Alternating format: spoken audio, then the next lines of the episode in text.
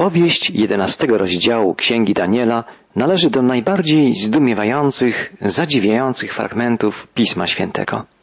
Zawiera opis dziejów narodów, królestw, imperiów, opis tak szczegółowy, że wielu krytyków Biblii uważa, iż jest niemożliwe, by ktokolwiek mógł przewidzieć tak dokładnie bieg historii i zapowiedzieć przyszłe wydarzenia z tak wielką precyzją. Z tego względu ludzie zaprzeczający natchnionemu autorytetowi Biblii twierdzą, iż ten fragment księgi Daniela został napisany wiele lat później. My jednak nie musimy poddawać wątpliwość prorockich zdolności Daniela. Znamy przebieg jego życia. Wiemy, jak wiernym Bogu był sługą, jak wielkie rzeczy Pan mu objawiał, by dzięki jego postawie ukazać, że jest Panem historii, że w jego ręku są dzieje narodów, dzieje ludzkości i całego świata. Daniel na samym początku podaje dokładną datę spisania swego proroctwa. W pierwszym wierszu jedenastego rozdziału czytamy W pierwszym roku Dariusza Meda powstałem, aby dodać mu siły i ochronić go. Pierwszy rok panowania Dariusza, króla Medów, to 538 rok przed naszą erą. Wszystkie wydarzenia, które zostały opisane przez Daniela, wydarzyły się w czasie późniejszym. Były dla niego przyszłością. Dla nas, ludzi żyjących ponad dwa i pół tysiąca lat później, większa część proroctwa Daniela należy do historii już się wypełniła.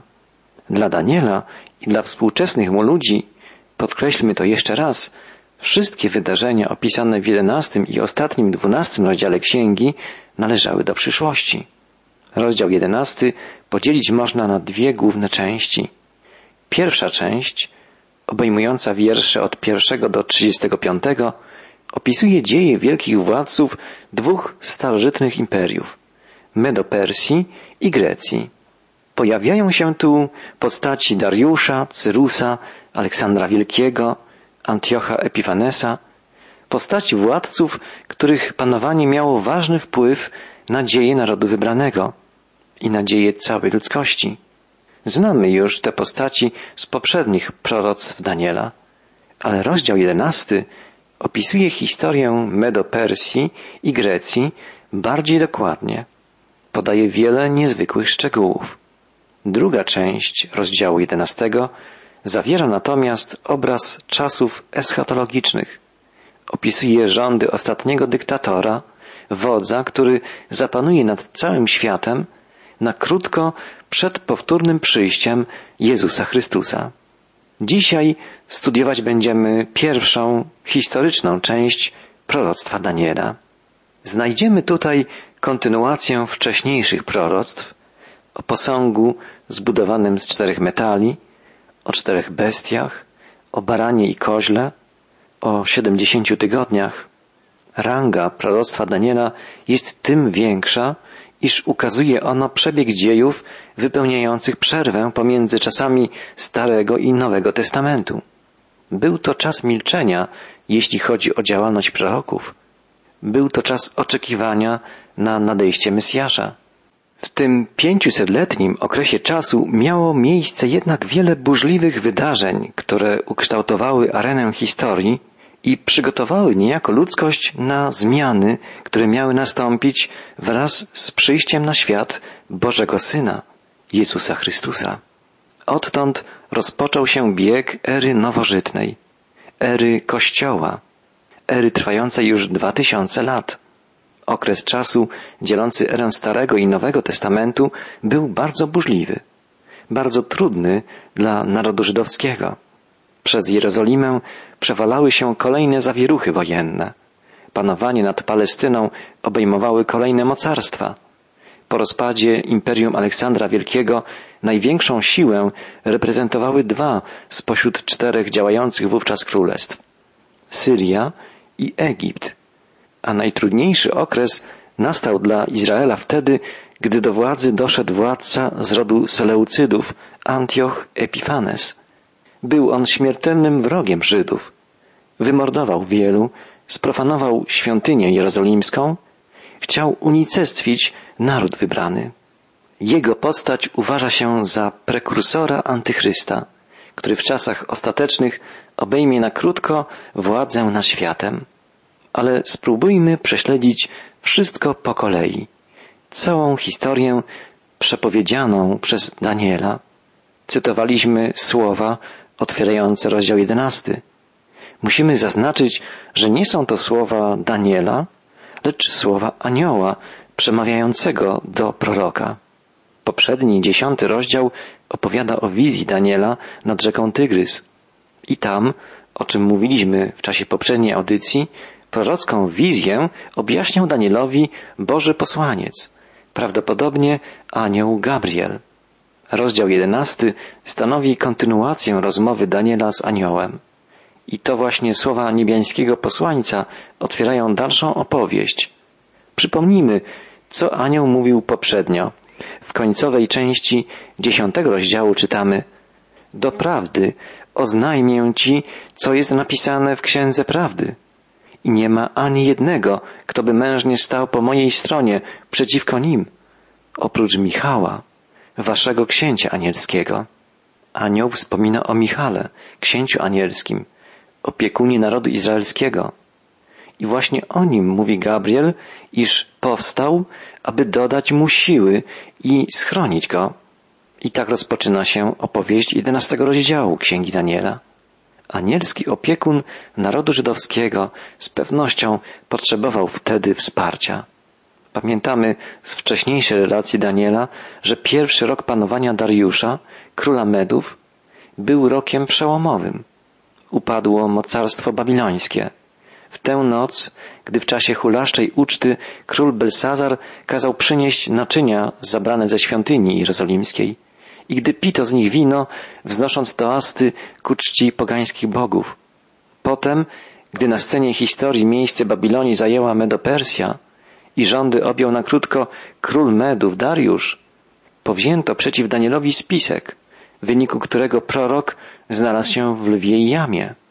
I właśnie wtedy ujawniła się w całej mocy Boża troska o Daniela i o cały lud wybrany. Bóg posłał swego anioła, zamknął paszczę lwów. Dzięki temu cudowi król Dariusz przywrócił Daniela na wysokie stanowisko w państwie medoperskim, a kilka lat później perski król Cyrus Wielki wydał dekret zezwalający na powrót Judejczyków do Jerozolimy.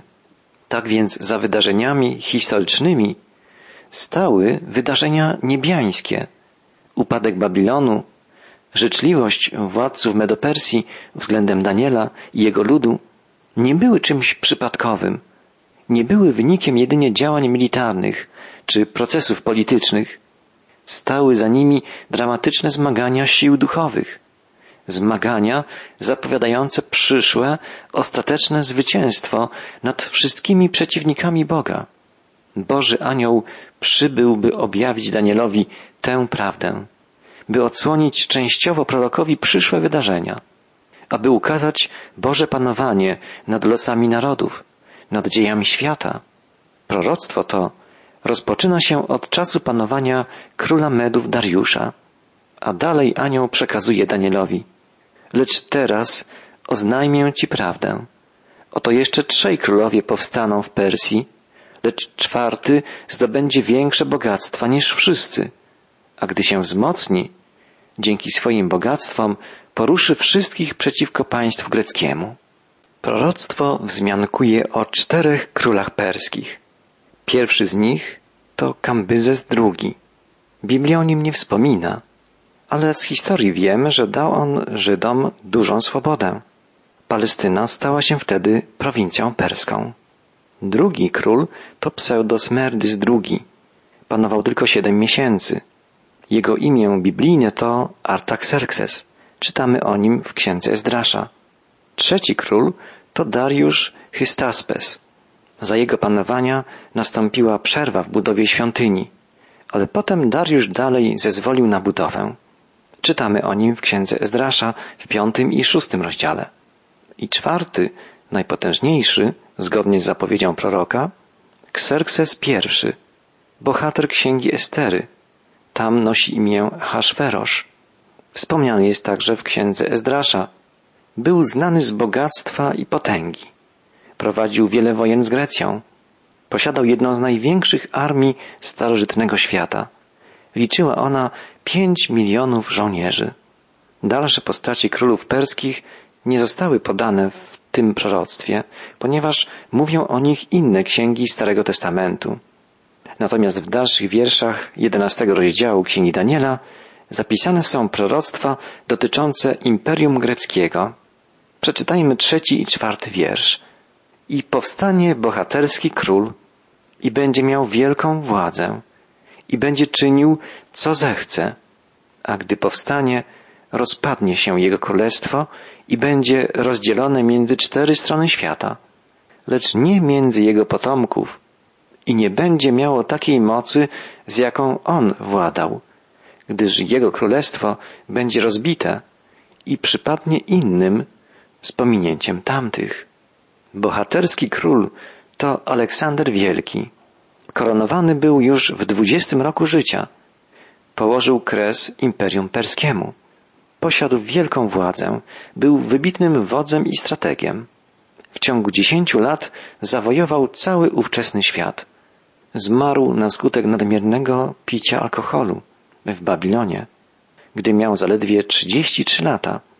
Grecy jednak dalej rządzili światem przez 250 lat. Aleksander nie miał potomków, gdyż zostali wymordowani. Jego generałowie po 22 latach wojny w roku 301 przed Chrystusem podzielili Imperium Greckie na cztery części. Spośród czterech królestw powstałych z rozpadu Imperium Aleksandra Wielkiego dwa były najpotężniejsze, dominujące. Egipt i Syria. Ziemia święta, znajdująca się w środku, przechodziła zmienne koleje losu. Pod rządami Egiptu, czyli królów południa, była od roku 301 do 198 przed naszą erą. Pod panowaniem Syrii, czyli królów północy, znajdowała się w latach od 198 do 63 przed Chrystusem.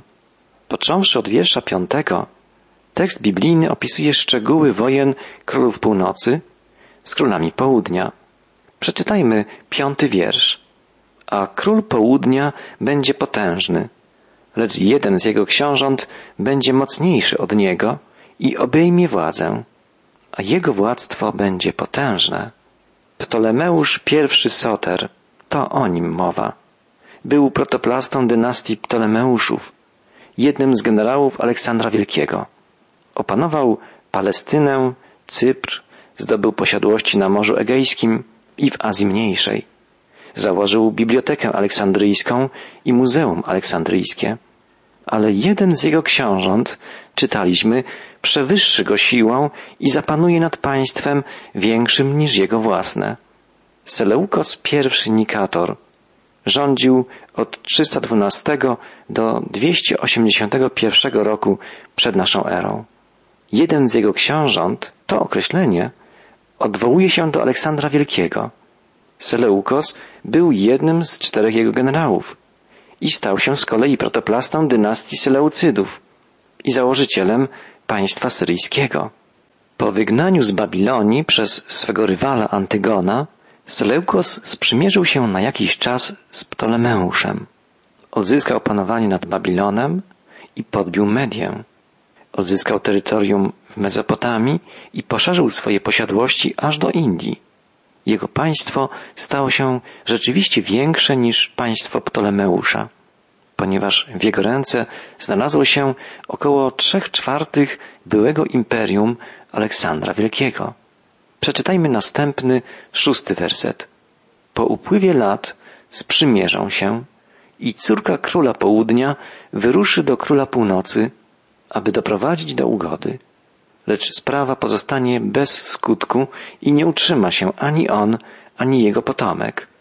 Będzie wydana wraz z tym, który ją sprowadzi, z dzieckiem swoim i małżonkiem swoim.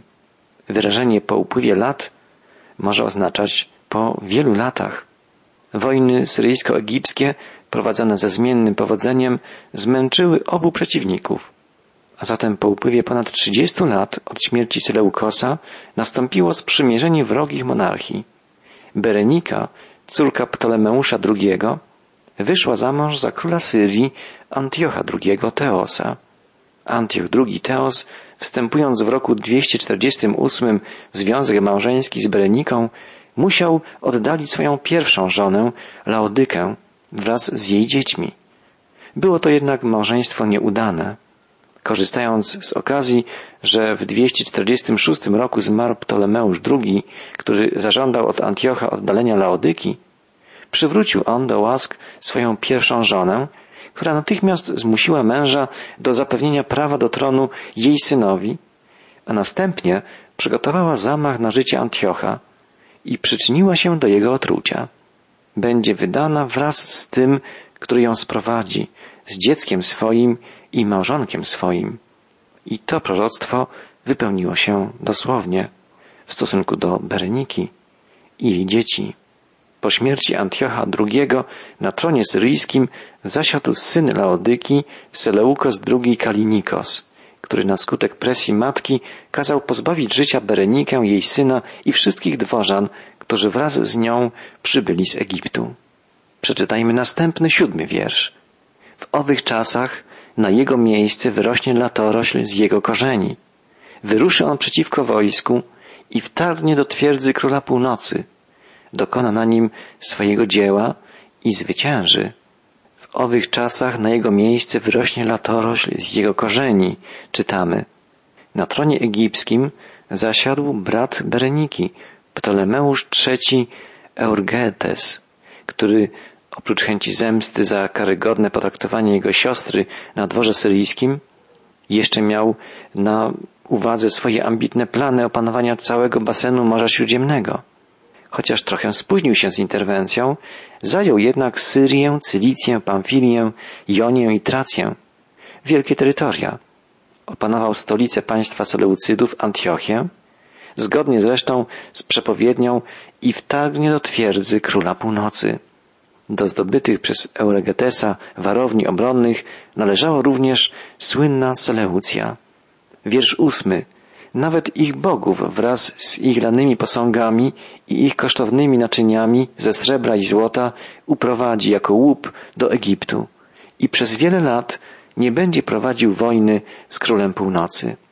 W powrotnej drodze zwycięski Ptolemeusz wiózł ze sobą znaczne korzyści w postaci srebra, kosztownych naczyń oraz wiele posągów starożytnych bóstw. Tak właśnie czyniono w przeszłości. Zdobywano królestwa wraz z ich bóstwami. W gronie bóstw były liczne posągi bogów egipskich, wywiezionych w 525 roku przez Kambyzesa. I tak wypełniło się proroctwo, nawet ich bogów wraz z ich lanymi posągami i ich kosztownymi naczyniami ze srebra i złota uprowadzi jako łup. Ale wkrótce w Egipcie nastąpiły zmiany. Na tronie w Egipcie zasiadł rozmiłowany w sztuce marzyciel Ptolemeusz IV Filopator. Był to raczej artysta niż wódz i strateg. Na skutek słabości, indolencji, Ptolemeusz IV nie był w stanie utrzymać swych wielkich terytoriów. Ze sposobności natychmiast skorzystał przebiegły król północy Antioch III Wielki i odzyskał Seleucję, Fenicję a w następnym roku zajął Sydon, Galileę, Samarię i Judeę. Błyskawicznie zajmował kolejne twierdze egipskie, aż doszedł do kluczowej twierdzy zwanej Rafia w pobliżu granicy z Palestyną. Przeczytajmy wiersz jedenasty. Wtedy król południa będzie rozdrażniony, wyruszy i będzie walczył z nim, to jest z królem północy. Ten wystawi wprawdzie liczne wojsko, ale wojsko to wpadnie w jego ręce. Zwycięski pochód armii syryjskiej rozdrażnił uśpioną czujność Ptolemeusza. Otrząsnął się ze swego marazmu i marzycielstwa, energicznie przeprowadził mobilizację armii i w rezultacie natychmiastowego werbunku wyruszył z armią liczącą 75 tysięcy żołnierzy, a po stronie syryjskiej było nieco mniej. Doszło do bitwy pod Rafią i armia syryjska została pokonana. W ten sposób wypełniło się proroctwo wiersza jedenastego. Król południa będzie rozdrażniony, wyruszy, by walczyć z królem północy, który przeciwstawi mu liczne wojsko, jednak wojsko to wpadnie w jego ręce. Armia syryjska została zdziesiątkowana. Ponad dziesięć tysięcy żołnierzy zginęło, a wiele tysięcy zostało wziętych do niewoli. Po rozgromieniu nieprzyjacielskiej armii Ptolemeusz Filopator powrócił do swoich artystycznych pasji. Pogrążył się w dawnej marzycielskiej zadumie. Niestety jego serce popadło w pychę. Myślał tylko o zaszczytach, o honorach, które go spotkają. Proroctwo biblijne mówi, a jego serce będzie wyniosłe. I choć pokonał wiele tysięcy, jednak nie okaże się mocnym. I tak się stało. Wkrótce Ptolemeusz Filopator zmarł. Tron w Egipcie objął jego pięcioletni syn Ptolemeusz V. I wtedy władca północy, Antioch III Wielki, postanowił pomścić swoją klęskę. I z kolei wojska syryjskie pokonały Egipcjan. Czytamy, a król północy znowu wystawi jeszcze liczniejsze wojska niż pierwej i po upływie lat wyruszy z wielkim wojskiem i z potężnym taborem. W owych czasach wielu powstanie przeciwko królowi południa i powstaną gwałtownicy spośród Twojego ludu, by wypełnić widzenie, lecz potkną się. Gwałtownicy z Twojego ludu. Chodzi o lud Daniela, bo do niego przemawia anioł. Było to stronnictwo żydowskie, które zaangażowało się w walki królów południa i północy, czyli Egiptu i Syrii.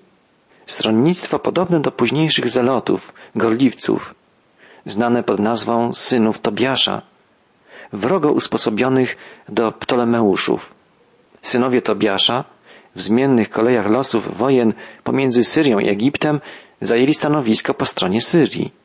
Natomiast pozostała przeważająca większość Żydów wybrała raczej pozycję niezaangażowania, neutralności. Ale pomimo tego, że były te dwa różne stanowiska, obie strony w tej nieustającej wojnie syryjsko-egipskiej ponosiły tylko straty. Tak burzliwe były dzieje narodów w okresie pomiędzy Starym i Nowym Testamentem. Były to ciężkie, dramatyczne stulecia dla Jerozolimy i dla całego ludu izraelskiego.